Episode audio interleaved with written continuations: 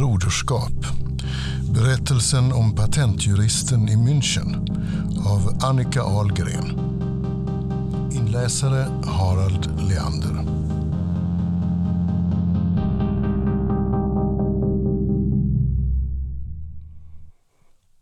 München 17 oktober.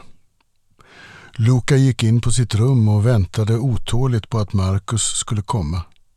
Han skickade ett meddelande att han var på plats. Inget svar. Efter en kvart ryckte Marcus upp dörren och gick in och satte sig på andra sidan skrivbordet. Det blir inget möte. Dave har rest till Italien och de andra är också på väg till flygplatsen. Har du tid för en snabb lunch med mig? Ärligt talat, nej. Jag har lovat att komma hem ikväll och laga middag och har inte tid för lunch. Vad är det som ligger under ytan egentligen? Vad menar du? Sådana summor som ska in i budgeten för 2009, det är inte bara ersättning till Andrea. Vart går pengarna? Marcus såg besvärad ut. Han sa inget utan reste sig upp. Ge mig lite tid. Ska jag bara kolla upp en grej. På måndag kan vi prata om det. Så ska jag ge dig mer information. Du vet, amerikanerna är på krigsstigen. Du menar att du måste kolla med Dave Muller först? Om det vore så enkelt. Vi tar det på måndag, sa han och var på väg ut ur rummet utan att titta på Loka. Min avsikt är att jobba på fallet över helgen och då behöver jag mer info nu. Det pep till i telefonen. Vi ses på gymmet klockan 16.30. Marcus vände sig om.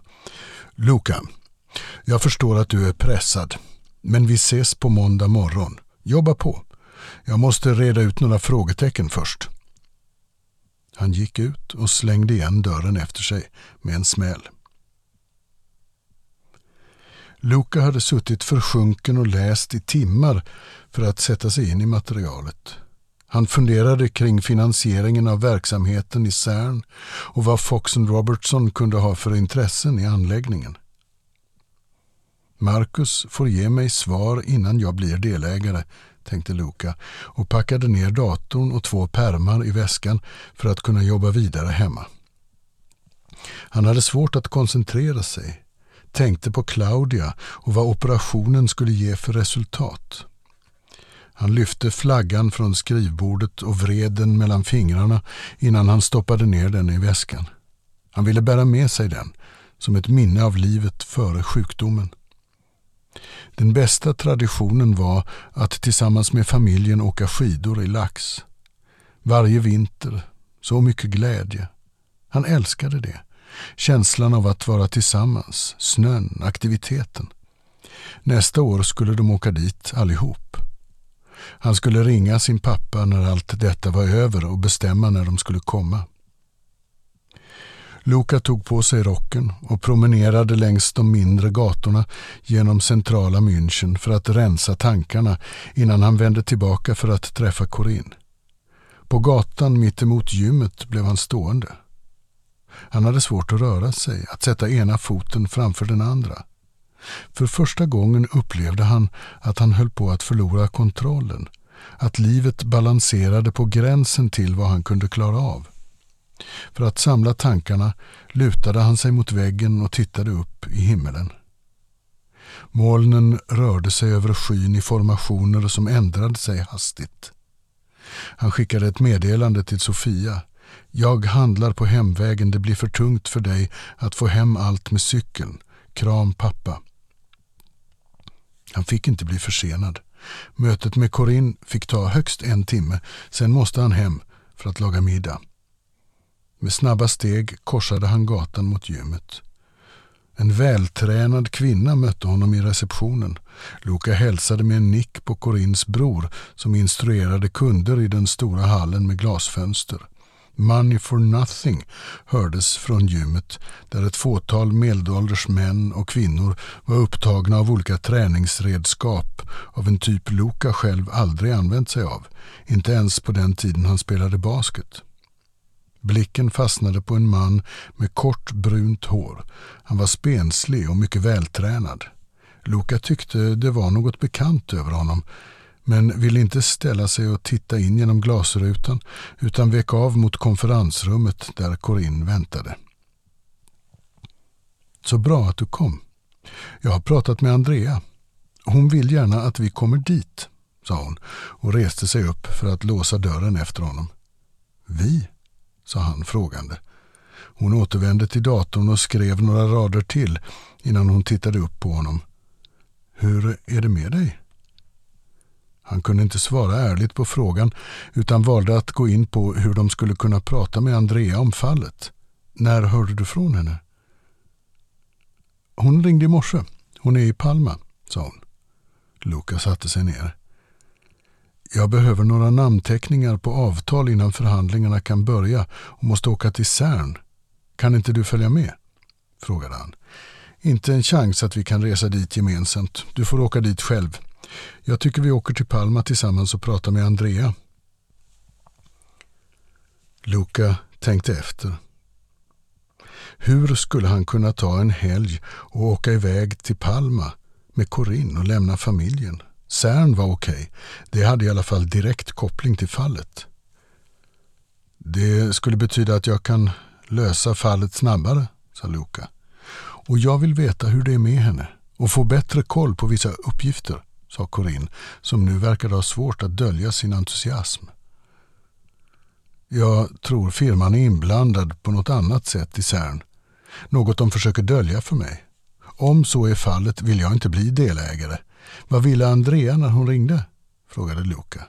Att jag skulle mejla en kopia av överlåtelsen från advokatfirman i Rom när de övertog patentet från Federico. Jag ska resa till CERN i slutet av nästa vecka, sa Luca. Vi kan resa till Palma efteråt, sa Corinne. Så vi får gå igenom det här fallet med henne tillsammans.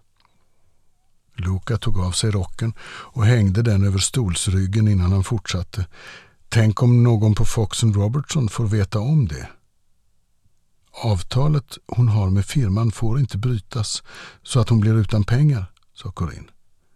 Andrea har utbetalningar som är större än vad jag någonsin sett. Men det kanske inte är hela sanningen. Marcus skulle ge mig mer information på måndag. Gör han inte det får Andrea svara på det.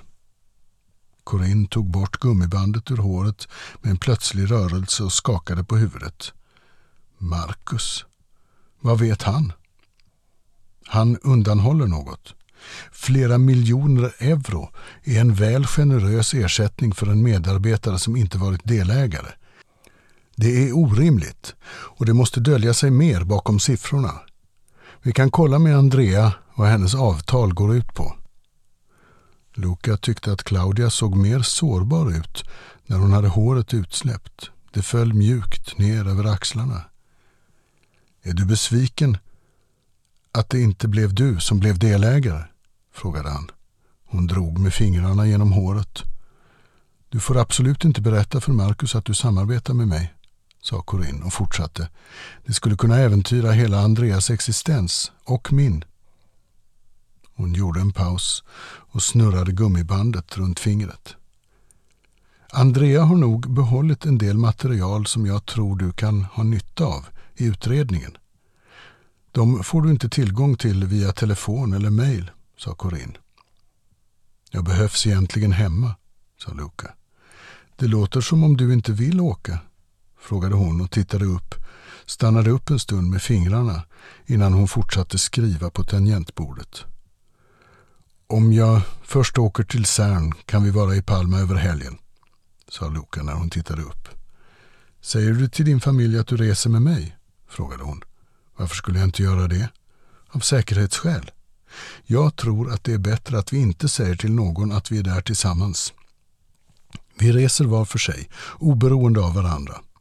För Andreas skull, för firman, för min skull. Ja, även för din faktiskt.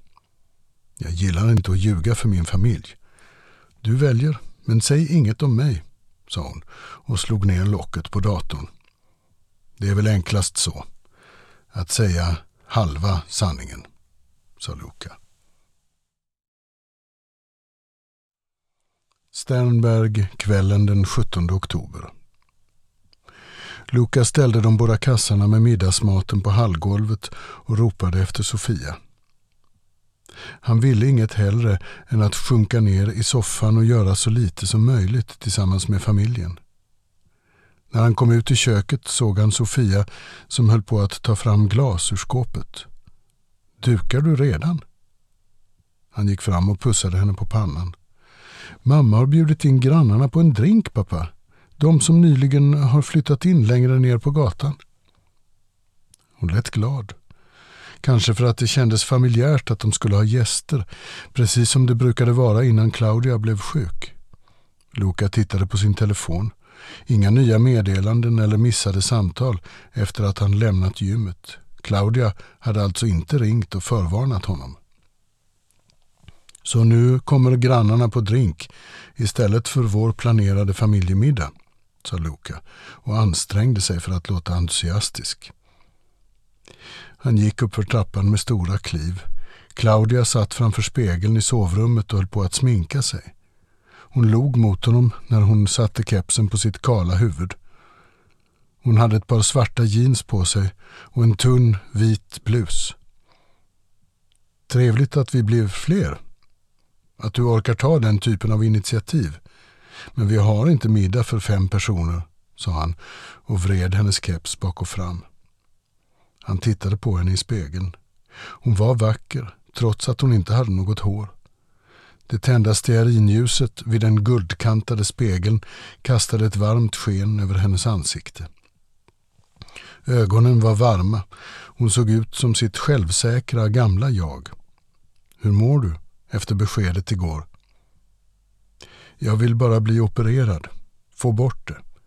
Ju snabbare desto bättre. Grannarna som kommer hit, vet de om att du är sjuk? Jag brukar prata med dem då och då. Vi har diskuterat samarbete så jag bjöd in dem, sa hon och reste sig och tog av sig kepsen. De har väl sett att jag är skallig. Hon gick fram mot honom och kramade om honom. Det är i all enkelhet, sa hon ursäktande.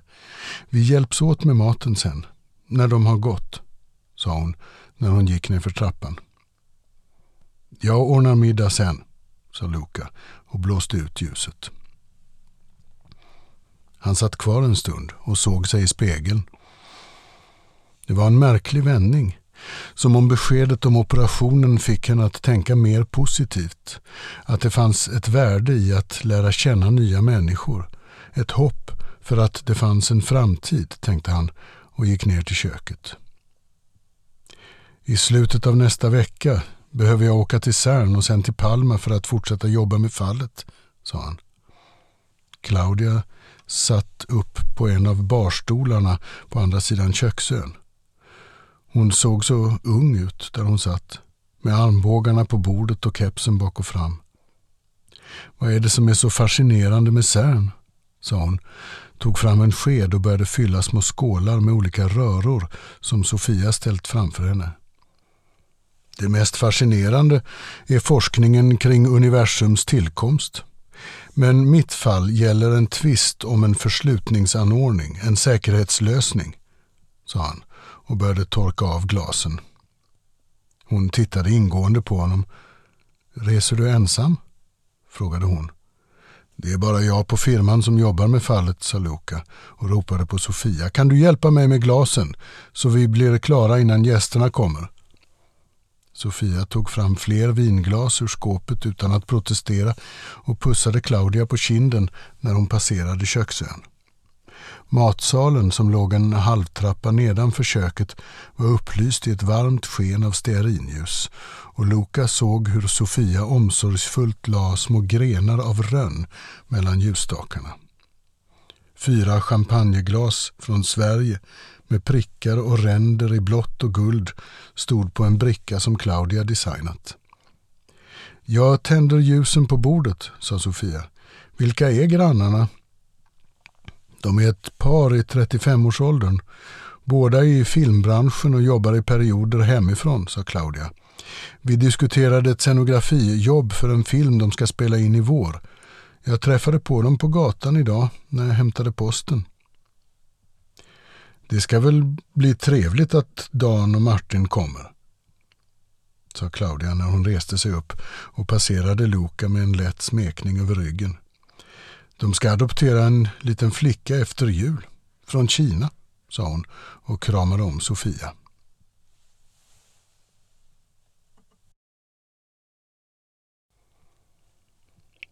Sternberg, 18 oktober. Luca var helt slut när han la sig i sängen efter att ha röjt undan det sista i köket. Sovrummet var mörkt. Han hade låtit bli att tända lampan för att inte väcka Claudia. Det var till en början en trevlig kväll men efter bara en timme hade Claudia plötsligt mått dåligt och gått upp och lagt sig.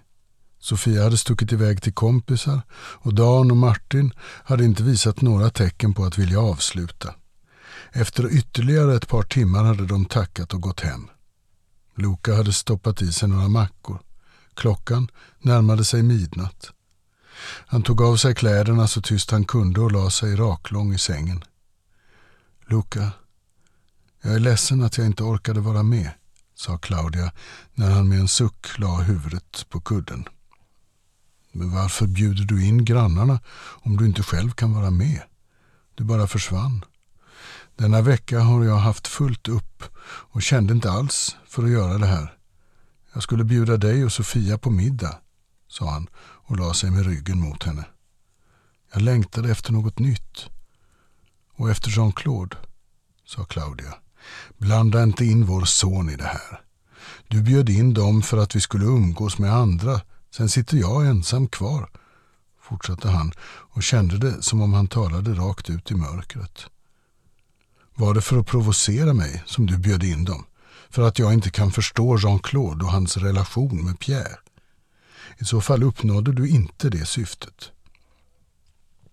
Claudia satte sig upp i sängen. Nu går det för långt. Du tål inte att Jean-Claude har en kärleksfull relation med en kille som du inte gillar. Fastän du inte ens har träffat honom. Han får ha en relation med vem han vill. Just nu kan jag inte ägna energi åt det. Jag måste fixa jobbet i CERN först och främst. Vad är det med Fox and Robertson som är så viktigt nu när allt annat är totalt kaos? sa hon och la handen på hans rygg. Du vet att om jag ska bli delägare måste jag lösa fallet i CERN, sa han. Jag förstår att vi har flyttat hit för din karriärs skull och att du vill lyckas. Men saker har förändrats. Spelar pengarna så stor roll för dig? Måste du verkligen bli delägare? Hennes röst var mjukare. Han öppnade ögonen och stirrade in i mörkret och tänkte på ordet måste. Var det något han måste? Visst ville han det verkligen? Vara en del av den inre kretsen? Han låg stilla. Min karriär är slut om jag inte tar chansen när jag får den, sa han och vände sig om mot henne. Jean-Claude ringde i morse, sa Claudia.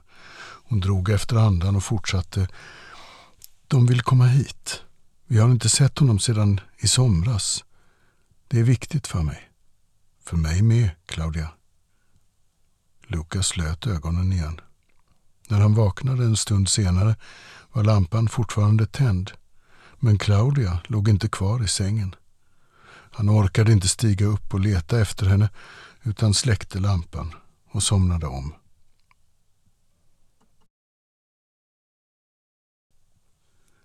Palma 20 oktober. Andrea hade spenderat den mesta tiden inomhus under helgen. Ihållande regn och en kylig vind gjorde att hon även hoppat över sina promenader bort till hamnen. Istället letade hon fram handlingarna om CERN som hon gömt i en låda i garderoben, noggrant sorterade i färgade plastfodral. Det var material som hon hade förvarat hemma i München och tagit med sig utan att Corinne visste om dem.